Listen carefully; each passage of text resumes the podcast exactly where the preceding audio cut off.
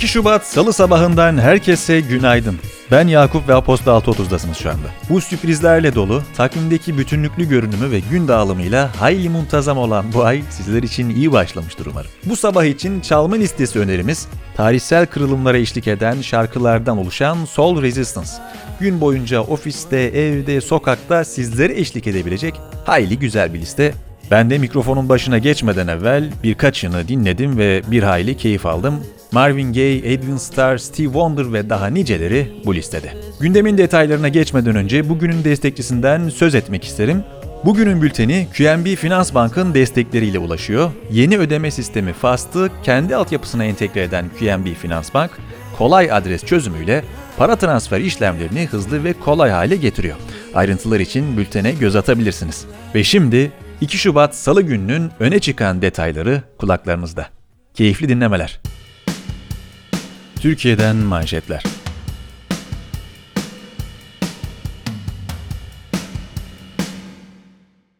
Cumhurbaşkanı Erdoğan, kabine toplantısının ardından gerçekleşen basın açıklamasında Türkiye'nin tekrar yeni bir anayasayı tartışmasının vakti gelmiştir dedi ve Cumhur İttifakı'ndaki ortaklarıyla bir anlayış birliğine varılması halinde harekete geçilebileceğini söyledi. Açıklamanın ardından Adalet Bakanı Abdülhamit Gül, Cumhurbaşkanımızın yeni anayasa vurgusu hepimiz için heyecan verici bir müjdedir açıklamasını paylaştı. Erdoğan, köy okullarının 15 Şubat'ta açılacağını, 1 Mart'tan itibaren il bazında eğitim öğretimin kademeli başlamasını planladıklarını belirtti. Vakalarda beklenen düşüşün gerçekleşmesi halinde esnafa yönelik kısıtlamaların gevşetilmesi takvimini başlatmayı planladıklarını da aktardı. İstanbul Valiliği'nin internet sitesinde yayımlanan basın açıklamasında sosyal medyada Boğaziçi Üniversitesi kampüsü önü ve çevresinde toplantı, gösteri yürüyüşü ve basın açıklaması yönünde çağrılarda bulunulduğu belirtilerek Beşiktaş ve Sarıyer Umumi Hıfzı Sıha Meclisleri tarafından 5 Ocak 2021 tarihinde COVID-19 salgın yayılımının engellenmesi ve toplum sağlığının korunması için alınan kararlarla toplanma, gösteri, yürüyüş gibi faaliyetlerin yapılmasının bir ay süreyle yasaklandığı hatırlatıldı. Polis, öğrencilerin Hisar üstünde basın açıklaması yapmasına izin vermezken en az 70 kişinin gözaltına alındığı bilgisi paylaşıldı. Sosyal medyada Güney Kampüs girişinin çevresindeki binalara yerleştirilmiş keskin nişancılara dair videolar paylaşıldı. Bir polisin bir grup öğrenciye aşağı bak, toplu gezmek yok şeklinde bağırmasıyla polis ve öğrenciler arasında arbede yaşandı. Hashtag aşağı bakmayacağız, hashtag Boğaziçi ablukada gibi ifadeler Twitter'da Türkiye gündemine girdi. Akşam saatlerinde polisin Güney Kampüs'e girdiğini, arbedelerin ve gözaltıların kampüs içinde de devam ettiğini gösteren görüntüler paylaşıldı. Öte yandan akademisyenlerin sessiz protestosu dün de devam etti. Azerbaycan Meclisi, Azerbaycan ve Türkiye medyalarının eş güdümlü hareket etmesi noktasında faaliyet gösterecek ortak medya platformu kurulmasını ve Azerbaycan-Türkiye arasında yalnızca kimlik belgesiyle seyahati mümkün kılan protokolü onayladı.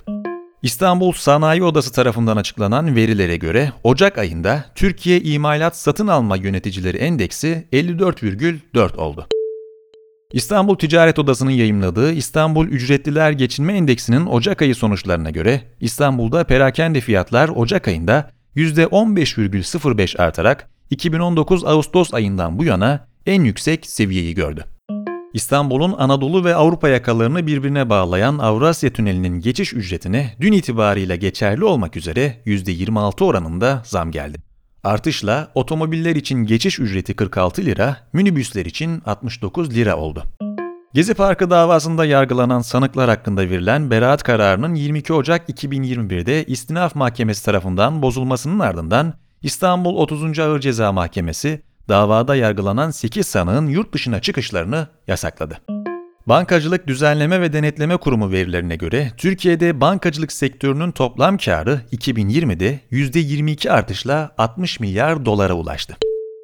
Bankalar arası kart merkezinin verilerine göre 2020 yılında kartlı ödemeler bir önceki yıla kıyasla %17 artışla 1,15 trilyon lira olarak gerçekleşti. Türkiye'de toplam kart adedi 264 milyona ulaşırken temassız ödemeler bir önceki yıla kıyasla 2,5 kat arttı. Türkiye İhracat Kredi Bankası, Türk Eksim Bank ve Avusturya'nın resmi ihracat destek kuruluşu OEKB arasında reasürans işbirliği anlaşması imzalandı. Ticaret Bakanı Ruhsar Pekcan, Türkiye ve Avusturya merkezi firmaların üçüncü ülkelerde birlikte gerçekleştirecekleri projeler için kendi ülkelerinden yapacakları mal ve hizmet ihracatına Türk Eksim Bank ve OEKB tarafından sigorta desteği verileceğini ve daha hızlı ve etkin bir kredi tahsis süreci sağlanacağını söyledi. Fenerbahçe, Tolga Ciğerci ile olan sözleşmesinin karşılıklı anlaşmayla feshedildiğini duyurdu.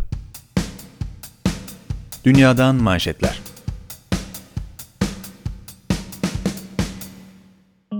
Myanmar'da ordu ülke yönetimine bir yıl süreyle el koyarak Aung San Suu Kyi ve diğer üst düzey hükümet yetkililerini gözaltına aldı. Türkiye Cumhuriyeti Dışişleri Bakanlığı'nın kınadığı darbe uluslararası kamuoyunda da tepkiyle karşılandı. General Min En Hlen, acil durum hükümlerinin uygulanmasının ardından yeni bir seçim yapılacağını söyledi. Daha detaylı bilgi için bugünün bültenindeki Politika Dünya bölümüne göz atabilirsiniz.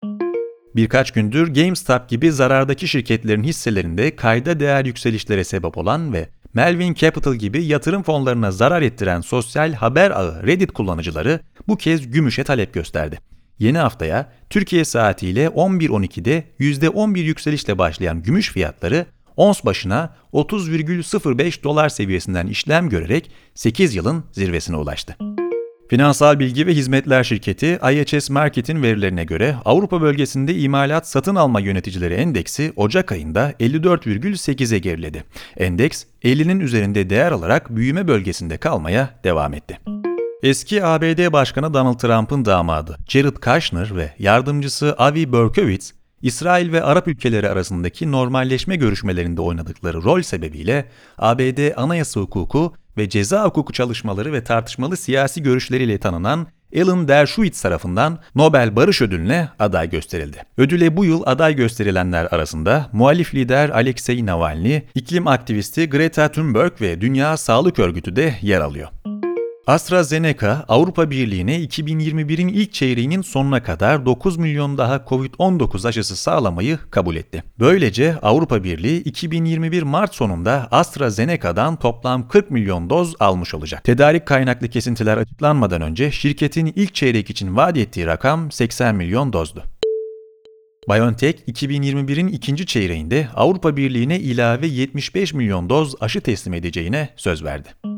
NBC News'e konuşan ABD'nin yeni Dışişleri Bakanı Anthony Blinken, Navalny'i destekleyen protestoculara yönelik baskıları nedeniyle Rusya'yı eleştirdi ve ABD'nin Moskova'nın eylemlerine olası tepkileri gözden geçirdiğini söyledi. Ayrıca Blinken, ABD müttefikleriyle koordineli olarak Kuzey Kore'nin nükleer silahlardan arındırılmasına ilişkin ek yaptırımların ya da diplomatik teşvikleri de içeren diğer araçların kullanılabileceğini ifade etti. Politika Türkiye CHP'nin Yalova Milletvekili Özcan Özel, İzmir Milletvekili Mehmet Ali Çelebi ve Karabük Milletvekili Hüseyin Avni Aksoy, Atatürkçü kurucu değerlerden uzaklaşmakla eleştirdikleri partilerinden istifa etti. Muharrem İnce'nin bahar aylarında kuracağını açıkladığı partiye katılması beklenen vekillerin istifaları sonrasında CHP'nin Türkiye Büyük Millet Meclisi'ndeki koltuk sayısı 138'den 135'e düştü. Bartu Özden'in CHP'deki istifalara ilişkin olarak ele aldığı yazının diğer bölümlerinde sürecin başlangıcı, parti ve liderlerden gelen tepkiler, Muharrem İnce'nin yeni parti hamlesi ve başka pek çok hususta detaylar yer alıyor. Yazının diğer bölümlerine bültenden ulaşabilirsiniz. Politika Dünya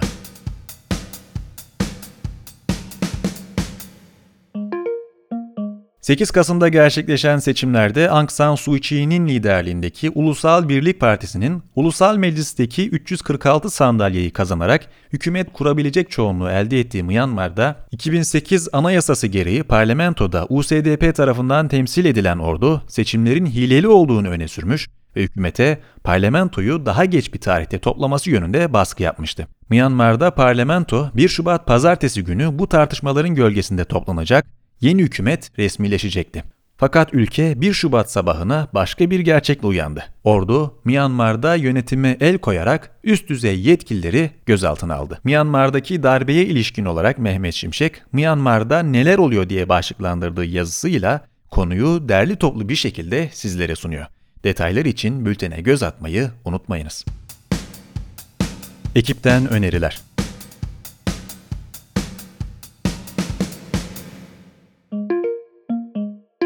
kullandığımız servislerle birçok kişisel veriyi paylaştığımız ve gizlilik konusuna daha da önem vermek zorunda olduğumuz bir dönemde BIP, güvenli, kolay ve kesintisiz iletişim ve yaşam platformu olarak kullanıcılarının verilerini Turkcell'in İstanbul ve Ankara'daki yüksek güvenlikli veri merkezlerinde koruyor. Her şeyiyle bizim, her şeyiyle Türkiye'nin yerli uygulaması mottosuyla Turkcell'in Türkiye'nin verisi Türkiye'de kalsın prensibi doğrultusunda şimdiye dek 64 milyondan fazla indirilen uygulama 10 kişiye kadar HD kalitesinde sesli ve grup görüntülü görüşme, kaybolan mesajlar, acil durum butonu, 1000 kişiye kadar grup mesajlaşma, 106 dilde anlık çeviri gibi özellikleriyle fark yaratıyor. BIP hakkında daha fazla bilgiye ulaşmak için yine bülteni ziyaret edebilir, bültende yer alan bağlantı linkini kullanabilirsiniz.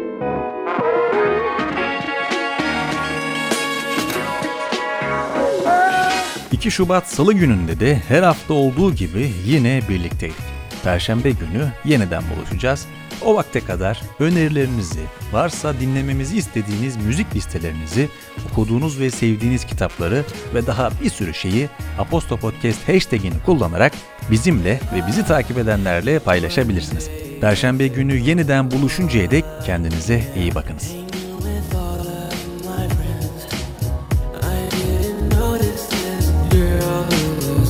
to me. This feeling I just couldn't